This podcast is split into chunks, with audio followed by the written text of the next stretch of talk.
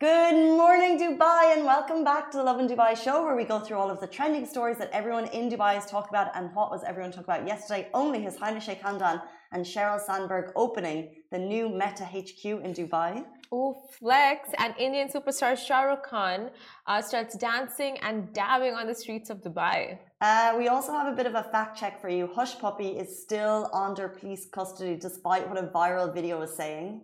And Marshmello is taking center stage at Expo 2020 Dubai tomorrow. And do stay tuned because later in the show we sat down with Samuel Morris, who completed the world's toughest rowing race. This is comparable to some of the world's toughest endurance challenges. It actually is one of the world's toughest endurance challenges. Uh, so if you're interested to learn how he went about that and how he got through those grueling, I think, 38 days in a small rowing boat with two rowing boats, uh, with two teammates as they went across the Atlantic, do stay tuned. But before we get into all of that, what are Kim and Kanye up to? Okay, Casey. So yesterday was International Women's Day, and a lot of women just shared support for each other, and then of course a lot shared their plight of just what they have to face uh, in the world with, of course, in terms of abuse, domestic abuse, in relationships, uh, just cat being catcalled out in public. The real stuff. Exactly. That women experience yeah. potentially on a daily basis, whether it's like in your home or on the streets. Exactly. And there was a there was an Instagram post which I saw and it's basically saying if Kim Kardashian with all that money, all those resources in the world can safely and simply divorce her husband without being harassed and stalked, then it's about time we stop asking women in domestic abuse situations the question why doesn't she just leave? Okay, so for people who may not be fully aware of the whole Kim and Kanye situation, they uh, they were a strong relationship. It seems they have four yeah. kids. We know Kim is very family orientated.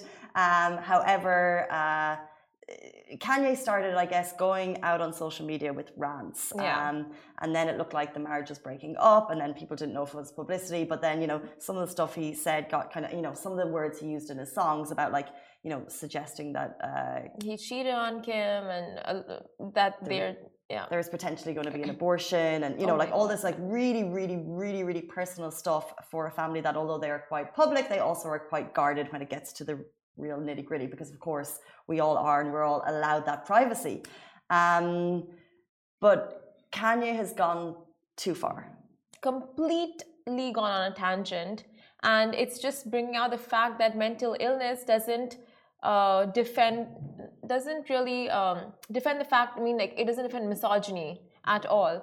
So the fact that you know they are kind of hiding behind the whole mental health cover, it's just. Well, yeah, exactly. Because that that's the really tricky thing. Because when you read it, when you read all of these rants and they go up and they're deleted, and you're like, you're like, oh, Kanye's not right, and you yeah. and you know that you know uh, he's an incredible artist. He's a very very creative and you read them and you know that the person who's like writing all of this stuff isn't right. However, he is blasting the mother of his kids to a platform of millions and millions and millions of people and he's getting support for it. And and and you exactly. put yourself in that's if, what's concerning. And exactly. And if anyone else like if if she was doing it to him, what would the reaction be? Exactly. That's what people have come out on social media and said. Like, if they were in opposite, if they were in each other's shoes and the roles were reversed, people, the reaction would be so different, saying, like, oh, women are just attention seekers. What's happening to them? There's no, uh, like, they're not facing any consequences. But in this situation, because it's Kanye and because he is, like you said, such a great uh, entertainer and musician, people are just giving him the benefit of the doubt and calling him, like, oh, Ye is GOAT. So, you know, he can get away with this. But that's the thing, like, the thing is when stuff comes out, there's always going to be on social media. You never please anyone. So when yeah. a post like that comes out, there's going to be people supporting Kanye, there's going to be people supporting Kim. However, I just know that if Kim Kardashian, yeah, chose to rant like that and blast out and kind of share torrid details about her marriage um, to the public, she would be vilified. She would Very be ripped true. down and is it because she's a Kardashian? Is it because she's a woman? I'm not sure. Um, but it just, yeah, there's definitely um, two things at play here that uh, Kim wouldn't get away with what Kanye is doing. Exactly, and this is just one example of people that we know, people that we see on the uh, on our screens every day. So it's just like putting them in the forefront of like, oh, look, this this happens to such affluential women and then how can it not happen to like just like you know our everyday ordinary neighbors or friends and families? So it's scary. It's a scary world out there. Um, let's bring it a little bit closer to home yes. and to big local dubai news. And do let us know your thoughts about Kim and Kanye, by the way. We do love to read your comments after the show. But jumping into our top story today, His Highness Sheikh Hamdan, Crown Prince of Dubai, and Sheryl Sandberg launched the new Facebook office, which is, of course, uh, well, the new Meta office, HQ, which is the parent company of Facebook, WhatsApp, and all of the above, and more, and Instagram.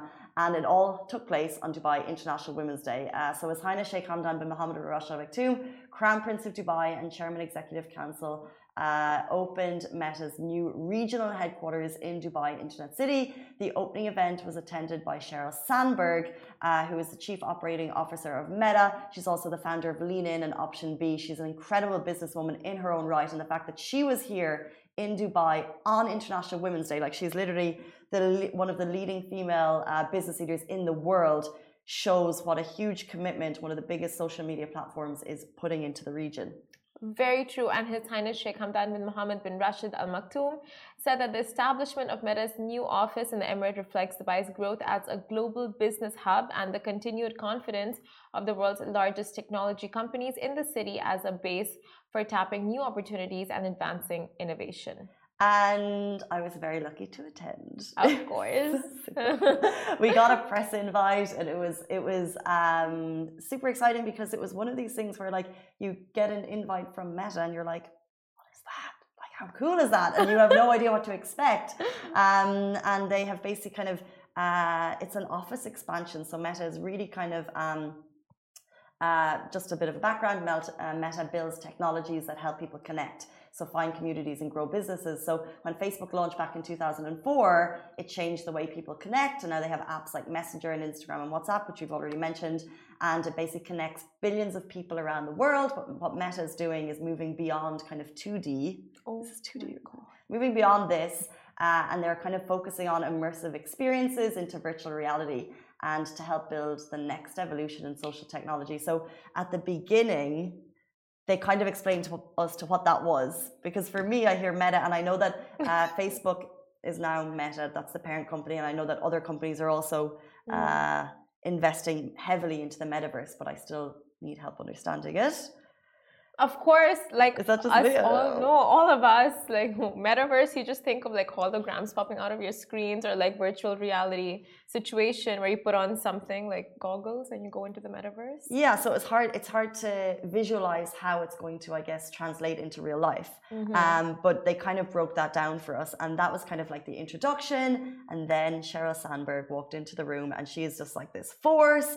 Um, she's very charismatic, and she uh, spoke to us. She mentioned Ukraine, by the way, and she said um, how social media platforms are helping in terms of like uh, how they have managed, how Facebook and Instagram alone, through donations from the people, how community groups have already made, raised $20 million. And then uh, she went into, of course, it being International Women's Day and why she was here. And she's doing a lot, you know, she was out at Expo as well, and how it's very important for women to thrive. And when women thrive, communities thrive, companies thrive, and countries thrive. So she is amazing. pushing the female vote constantly, and that's what we love about her. It's amazing, and just the fact that the space is so visionary, the the whole company is so visionary, like Meta, and this is the next step. Like it's on everyone's minds of what everyone is talking about, except for if you put aside NFTs and cryptos, the next big thing that people are talking about. All of the bucket things I just don't I just don't get.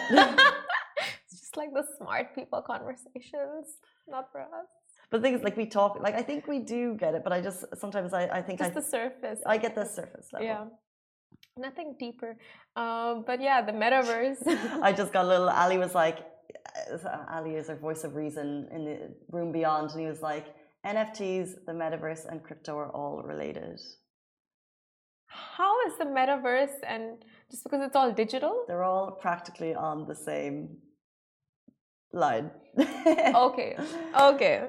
However, um, as well as that, uh, as well as Sheryl Sandberg, which is a huge um, boost for the region, I mean, it just shows the massive commitment. Then His Highness Sheikh Hamdan walked in. Oh, your dream moment. It was a dream moment. Uh, he was flanked by photographers and he uh, switched on the new Meta icon in the Dubai office, which is obviously a huge moment for them.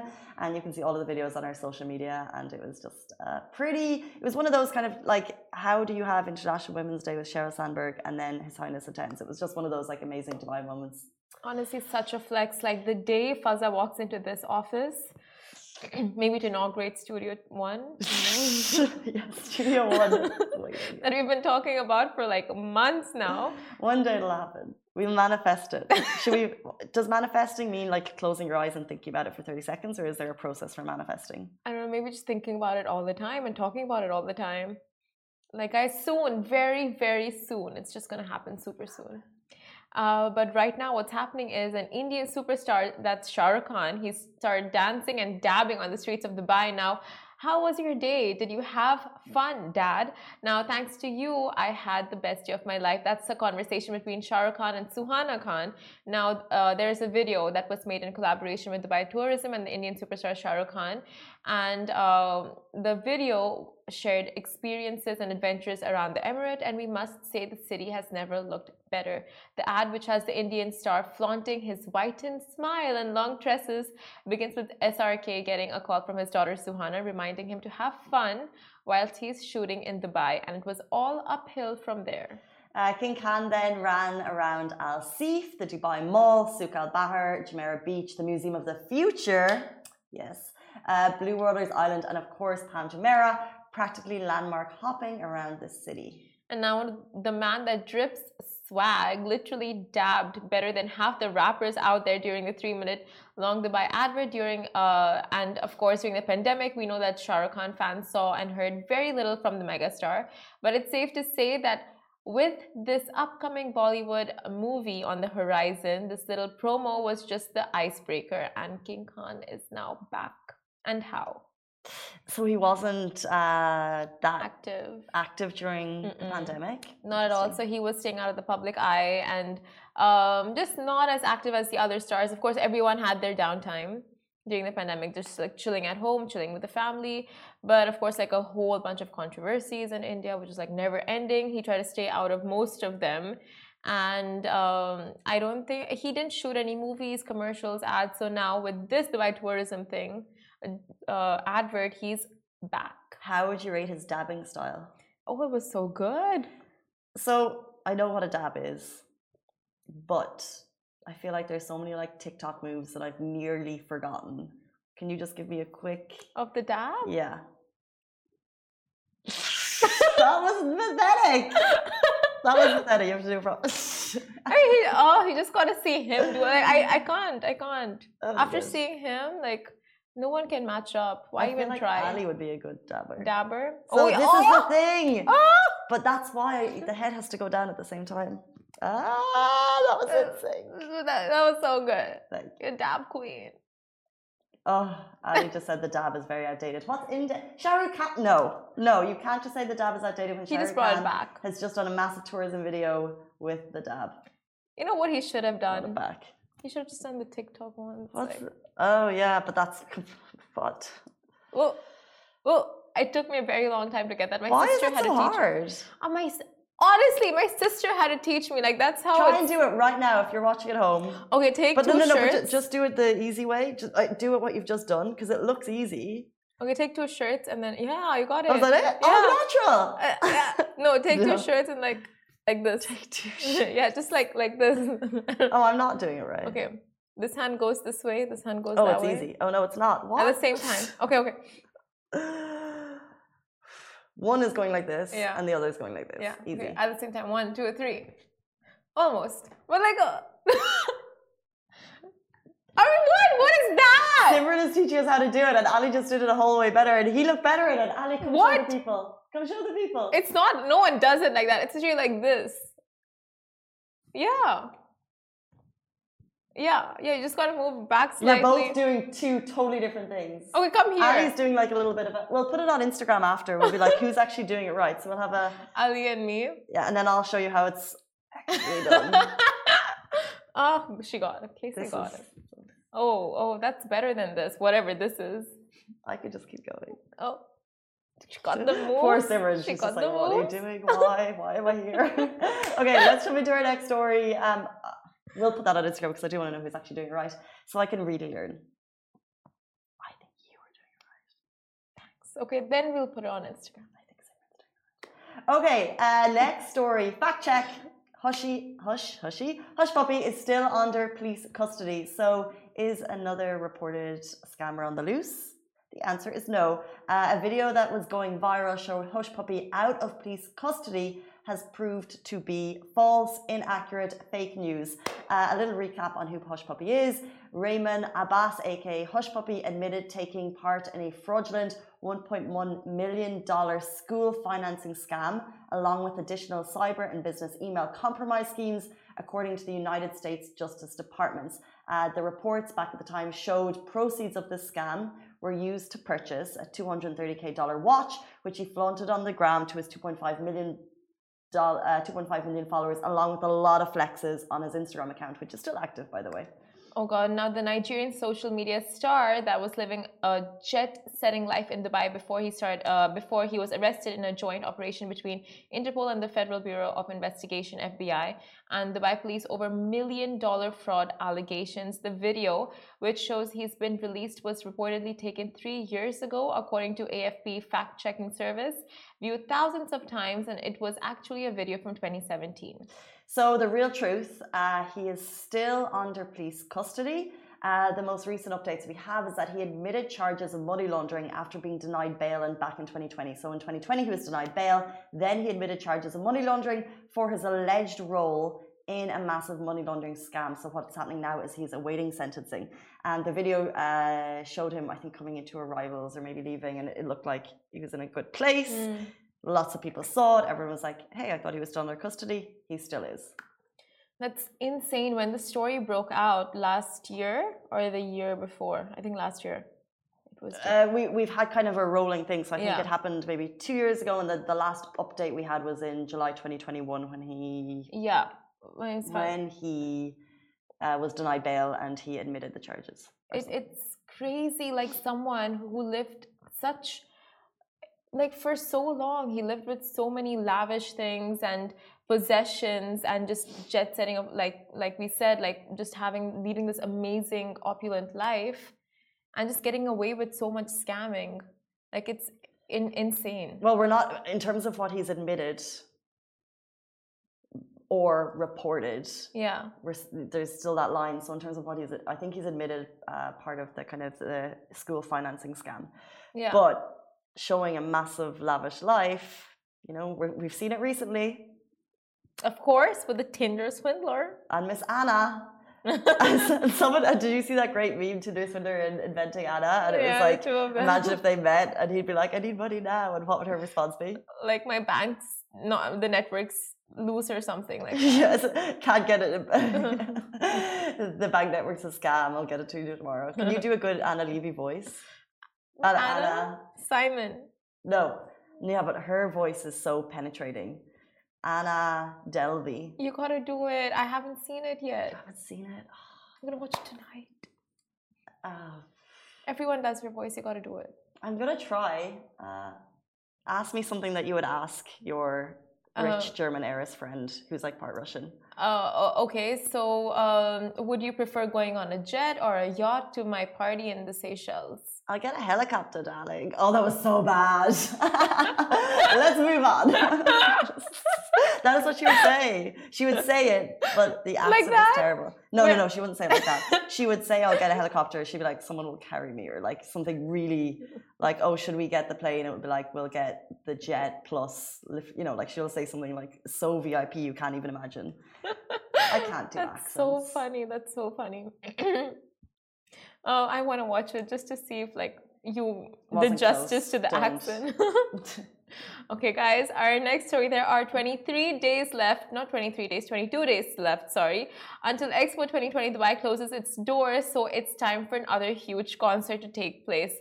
And uh, well, get ready because on March 10th, which is tomorrow, someone very special will be taking center stage. Someone who is behind a mask, identity unknown, but music is hitting all the top charts. It's none other than Marshmello. Marshmello. Marshmello. Marshmello. And we only got announced yesterday. How amazing is that? Uh, oh my god, did you guys go wild seeing the post on our Instagram? Like the engagement was amazing, and clearly he has massive fans here in Dubai. And he'll be taking over Jubilee Stage for a night of non stop dancing on March 10th, just tomorrow. Expo 2020 Dubai is seeing another huge concert that, by the way, doesn't come with a pricey ticket. All you need is your Expo ticket and you get in. Uh, the DJ was last in the UAE back in 2019, so it's long enough since we've seen him perform. Back then, uh, he performed at the Abu Dhabi F1 Grand Prix after race concerts, which honestly was just a phenomenal show. And could you believe that you don't need to pay to see it? That's why Expo is just giving us this major flex in the last month all you need to do is get your regular valid expo ticket. Uh, the night of non-stop music kicks off at 8.30 p.m. It's expected to be crowded, uh, so be there on the early side. And not only will Marshmello be there, Miss Simran will be there. Right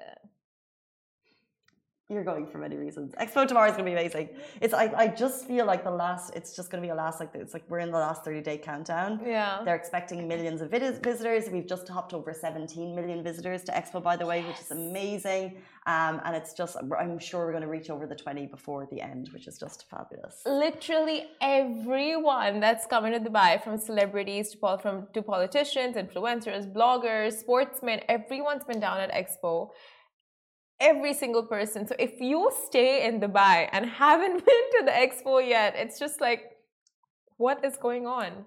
Just doesn't make sense. Can we get an answer on that, by the way? Is there anyone that hasn't been yet? If you're in Dubai, if you haven't been, what are you doing? You need to go. Like it's just phenomenal.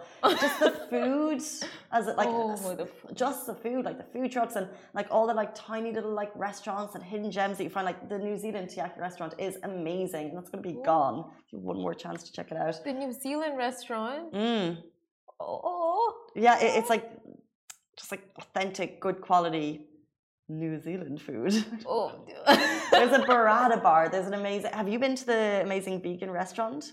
I've been to a lot of no the amazing vegan restaurant. Para, I haven't been, but it's one of my. I need to go before I go. It's. uh it's I went to Mudra. I don't know about. I think it's Mudra. It's Mudra. Is it Mudra? In the sustainability district. Maybe because I've been to that one. That's a fully vegan restaurant with mm. drinks and food and dessert. The, the vegan cookies. The, the that's floozy. Floozies. Yeah. Oh, floozies good. Oh my god, the food there is so good. And they have like really healthy stations, and they have unhealthy stations, and they have high joint. You can do both. You can do both. Just go for your breakfast, lunch, and dinner. Don't leave. And Rove, the hotel is right there, so you can stay over if you want you know, like a sleepover at Expo? Um, if you are heading down to Expo tomorrow, let us know because, of course, Marshmello is going to be performing. Um, but do stay tuned because right now, after the break, we're going to be joined by Samuel Morris. He completed the world's toughest rowing race with teammates across the Atlantic, 3,000 miles non-stop uh, in under 40 days. Just phenomenal. He's going to be with us right after this.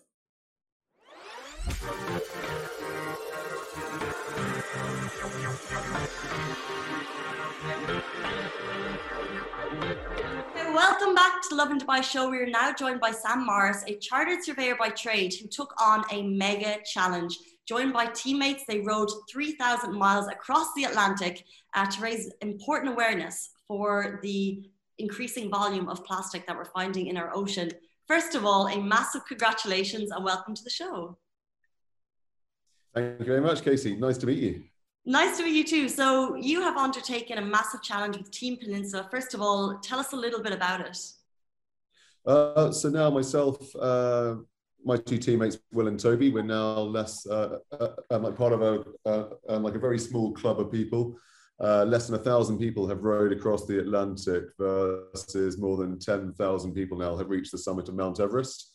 Uh, we did it to raise awareness about plastics in the oceans for two amazing charities. Uh, one of them is a non-profit here, which is called Azraq, and the other one is based out of the UK. It's now called, called Ocean Generation. Uh, it was formerly Plastic Oceans UK.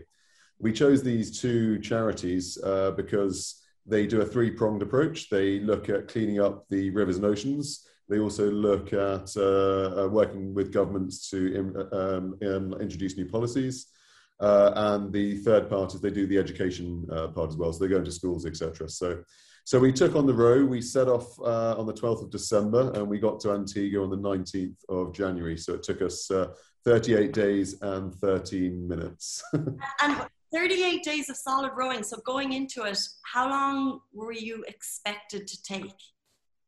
Um, the world record for a trio is 33 days, I think it is. Might be 34, but um, yeah, like 33 or 34 days. We were planning to do it in approximately 40. That was our target, and coming in sub 40 uh, was uh, was awesome. We came eighth out of 36 teams doing it this year. It was the largest ever fleet to go across. And, and let's go cool. back to the right start. Um, so uh, let's say, for example, you're backed by rowing experts, so you have guidance as you're training, but what actually inspired you three to get together and take this on? Uh, there are a number of different uh, reasons for this. Obviously, I mentioned the charities, and we wanted to do something to raise awareness uh, and highlight the plight of uh, uh, um, plastics in the oceans. but from a personal level, I would say um, there's always the joke joke that we're not married, so therefore we had the freedom to go out and do this. But I think that the actual the actual reason uh, for me was uh, I, the last few years I've been running a lot of ultra marathons and a lot of endurance sports, and I just felt that uh, it, was, it was a sort of logical um, next step. And I think you know nowadays people are going out, they're buying a lot of sort of material goods, you know, larger houses and luxury cars, etc. But I don't necessarily think that all these material things actually make you happy. And I think there's a lot to be said in the fact that you find comfort through discomfort mm. and pushing yourself, pushing your mind and body as far as you can possibly push it. And I think this is the most extreme event, um, endurance event you can do on the planet, uh, because you're literally you know, rowing for 12 to 14 hours a day in sometimes massive, massive seas. You know, so we had seven or eight meter waves uh, um, for about three or four days halfway across. Um, you know, and it's the sleep deprivation and the fatigue. So it's all of that combined in a tiny little enclosed environment. So for me, I just wanted to see how far I could push my body and mind, as well as obviously make uh, make a large gesture and try to raise awareness for the plastics issue. Amazing. So, like you said, it's uh, it is the uh, most difficult endurance race on the planet, and you've actually done the Marathon des Sables. So, how do they actually compare? Um, they're two different beasts. They're both magical experiences. Uh, the Marathon des Sables, or MDS, is uh, one hell of a challenge, but you know at the end of the day you can be rescued. Whereas when you're rowing across an ocean, if something happens to you, you're basically on your own for probably 12 to 24 hours at best if someone can get to you. Um, so it's all about survival, whereas the Marathon Sables is more about endurance, I would say. Yeah. Can you take us into the boat situation? Um, it's very difficult for us to imagine having kind of.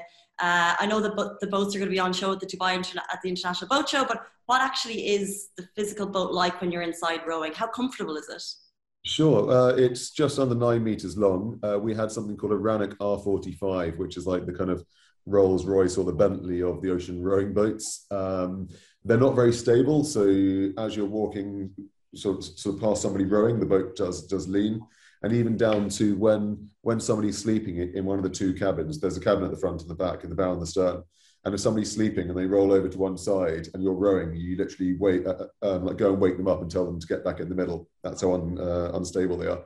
Uh, very cramped conditions, uh, three rowing spaces, a lot of storage in the hull for all the food.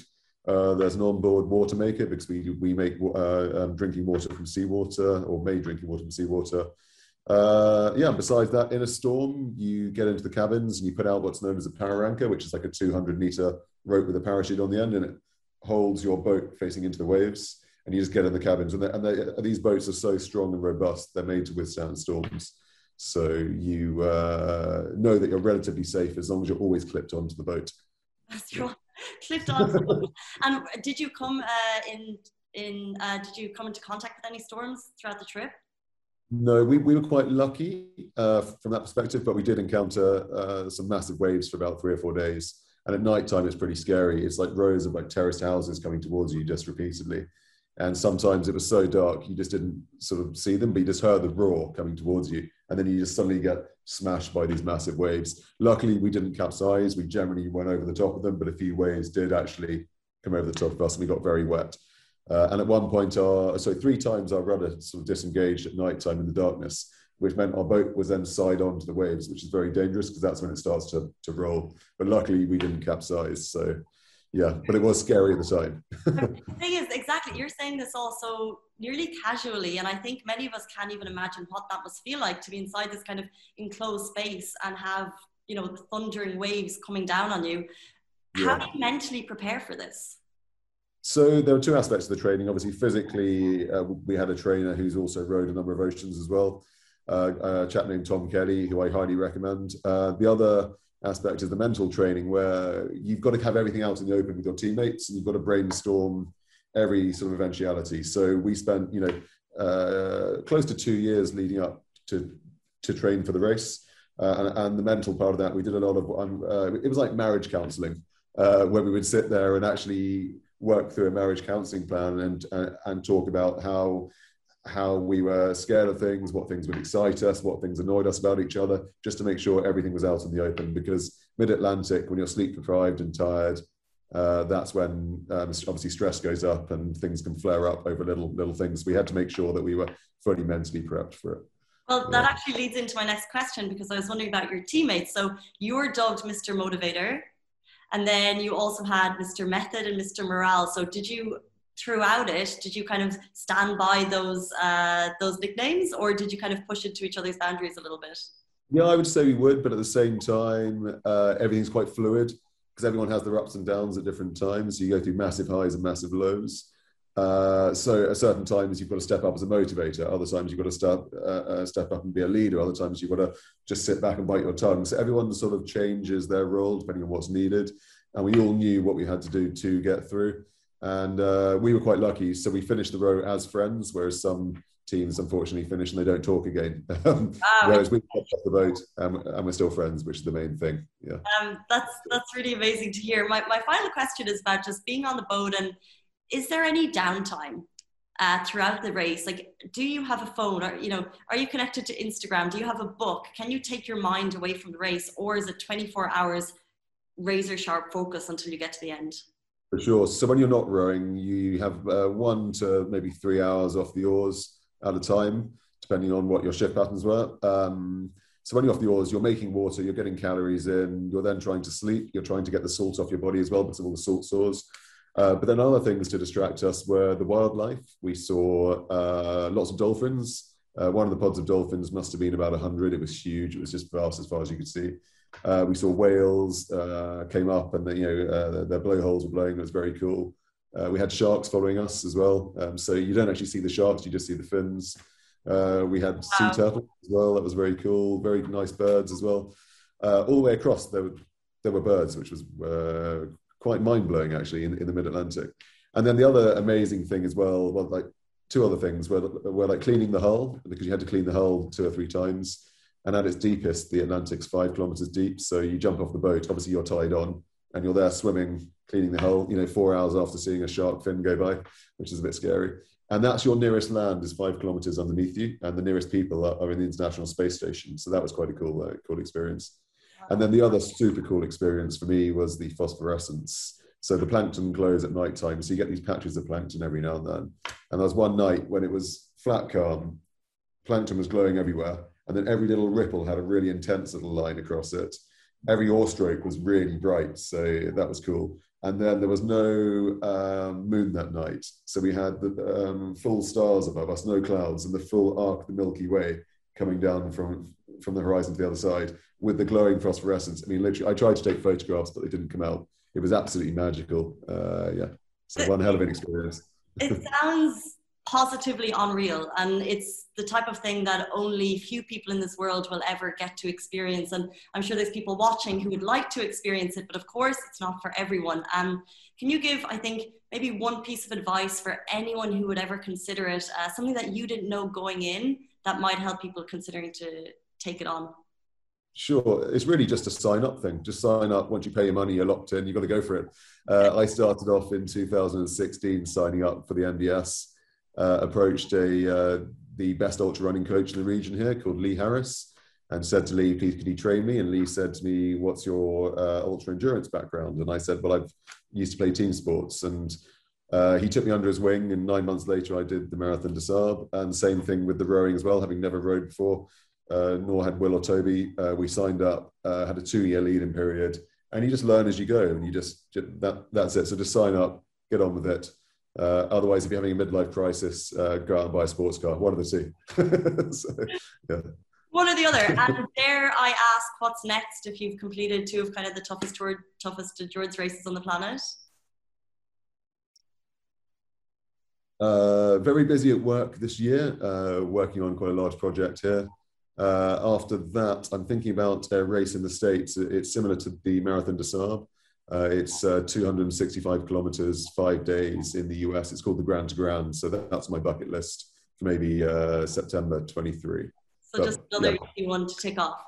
Exactly. Yeah. Yeah. So the midlife crisis continues. uh, okay. Before you leave us, we know that it was super important uh, for all of you the cause and the ra- awareness you're raising for plastic in the ocean. Can people still donate? And if people want to support, how can they do that?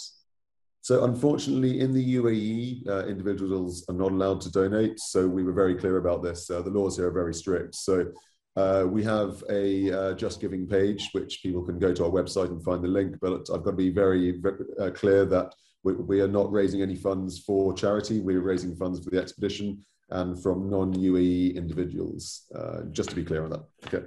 Very clear. Thank you very much. Okay, guys, that was. Uh, okay. That was Sam Morris, who has completed. Oh, you froze with